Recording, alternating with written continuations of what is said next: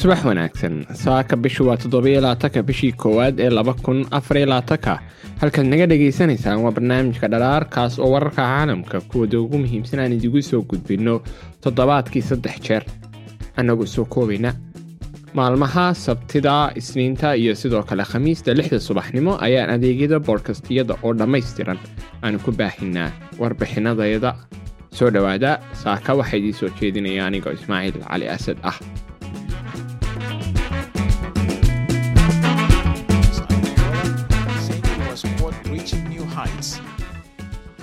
Um, our relationship is stronger, it's more consequential, it's farther reaching than in any point in our 30 year friendship. And at this transformational moment, President Biden asked me to come to Luanda to help build on and accelerate. xogahayaha arrimaha dibadda ee maraykanka antony blinken ayaa soo gebagabeeyey socdaal uu ku marayay qaaradda afrika maalintii khamiista isagoo booqasho ku tegay angola oo goob shidaal qani ku ah horena qayb uga ahayd goobihii dagaalka qaboobaa uu saameeyey kaasoo noqday goob xalgan loogu jiro saameynta dhaqaalaha ee qarnigan cusub ee koob iyo labaatanaad intii uu ku guda jiray booqashadiisa caasimadda luwanda mudane blinken waxa uu iftiimiyey maalgashiga waaweyn ee maraykanku ku sameeyey angola oo ay ku jiraan in ka badan sagaal boqol milyan oo dollar oo loogu talagalay mashaariicda tamarta ee cadceedda iyo laba boqol iyo konton milyan oo cusboonaysiinaya marin tareen oo qaada macdanta muhiimka ah oo ay ku jiraan cobolt iyo naxaas oo laga keenaya bartamaha africa dekeda angola ama dekadaha angola laga dhoofin doono. Maalgelinta qoraxdu waxay gacan ka geysanaysaa horumarinta ajendaha cimilada ee madaxweyne biden. Halka hagaajinta gaadiidka ay sii kordhinayso yoolkiisa kala duwanaanshaha silsiladda saadka maraykanka qayb ahaan si loo yareeyo ku tiirsanaanta maraykanka iyo xakamaynta shiinaha ee maadooyinka muhiimka ah ee dhaqaalaha casriga ah saameeya. In ka badan labaatan sanno ayaa ka soo wareegay dagaalkii sokeeye ee angola oo ay ku dhinteen dad gaadhay hal milyan oo qof. Waddanku wuxuu galay dib u dhis iyo casriyeen iyo xiriir saaxiibtinimo uu la yeeshay washington ama maraykanka taas oo mar hore maalgelisay ama waqtiyadii dagaalada sokeeye ama ka horba maalgelisay qaar ka mida falaagooyinka.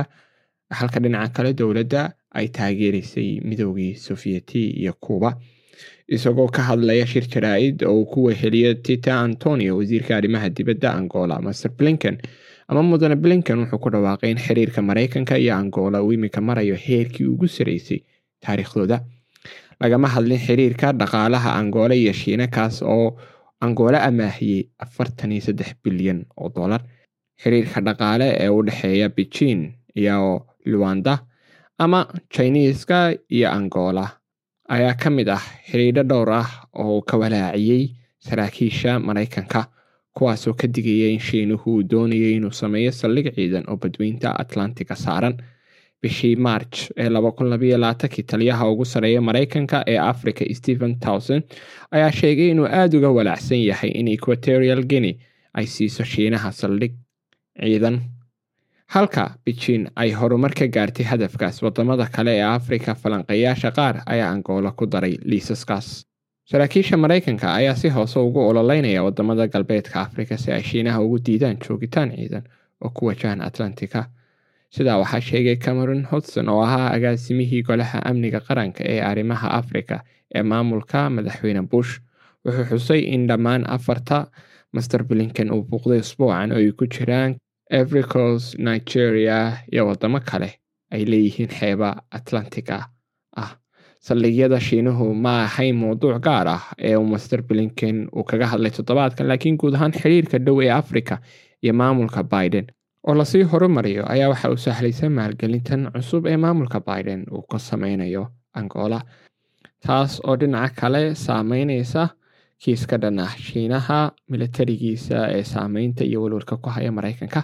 Halka si toos ah looga hadli lahaa shiinaha waxaa jiray culays badan intii lagu jiray safarka master ama mudane blinken waxay saraakiishu ugu yareyeereen dadaal loogu doonayo in loola dhaqmo waddamada afrika sida waddamada kale caalamka balse aanay ahayn goob tartan lagu saameeyo siyaasadooda laguna gurto macdantooda taasoo ka turjumaysa aragtida saraakiisha biden ee ah in afrika ay ka cadhoodeen loola dhaqmay sidii goob tartan loogu jira saameynta sidii dagaalka qaboobaa oo cusub oo kale markana uu ka dhexeeyo beijing iyo washington. Ama ruushka iyo washington. Dhinaca kale afrikaanka laftoodu waxay keeneen arrinta tartanka juqraafiga in ka badan hal mar intii lagu jiray booqashadii mudane blinken isagoo ku sugan caasimada africos ee abidjan wariye ka tirsan telefishin maxalli ah ayaa u sheegay mudane blinken. Afrika sanadihii u dambeeyey waxay u muuqataa inay noqotay goob dagaal oo saameyn ku yeelanaysa quwadaha waaweyn. Goormo ayaynu ka fikirnaa mustaqbalka afrikaanka ayuu weydiiyey mudane blinken. Mudane blinken wuxuu ku jawaabay ma aha annaga inaan dhahno waa inay doortaan iyagu ama afrikaanku waa inay doortaan.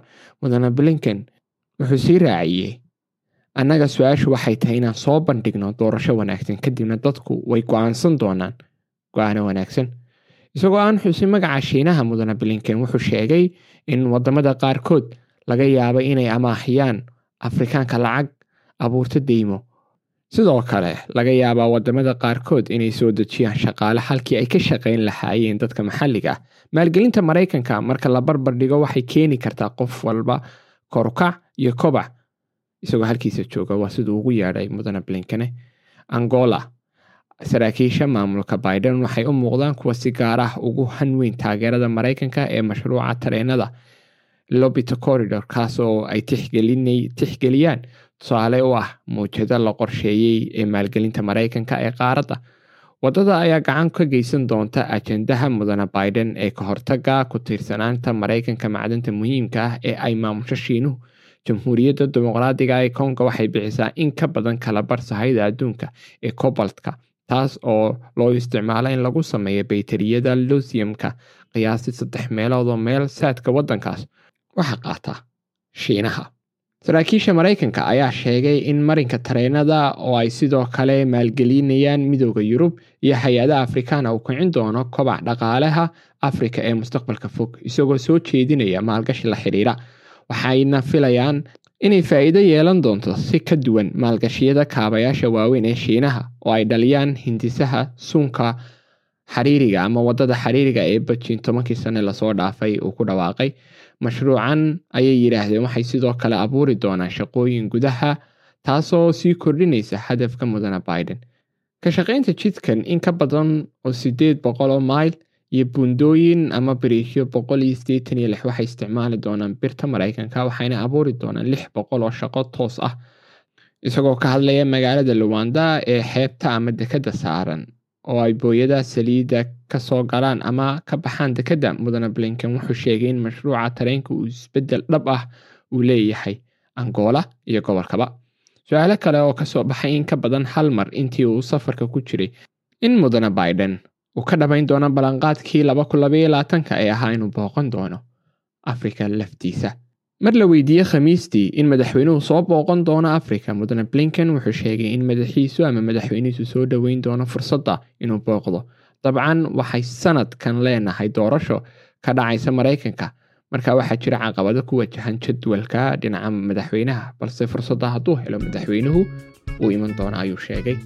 Saaka intaasay warbixinteenu ku eeg tahay dhammaantiin maalin qurux badan oo fiican ayaan idiin rajeynaynaa nabaday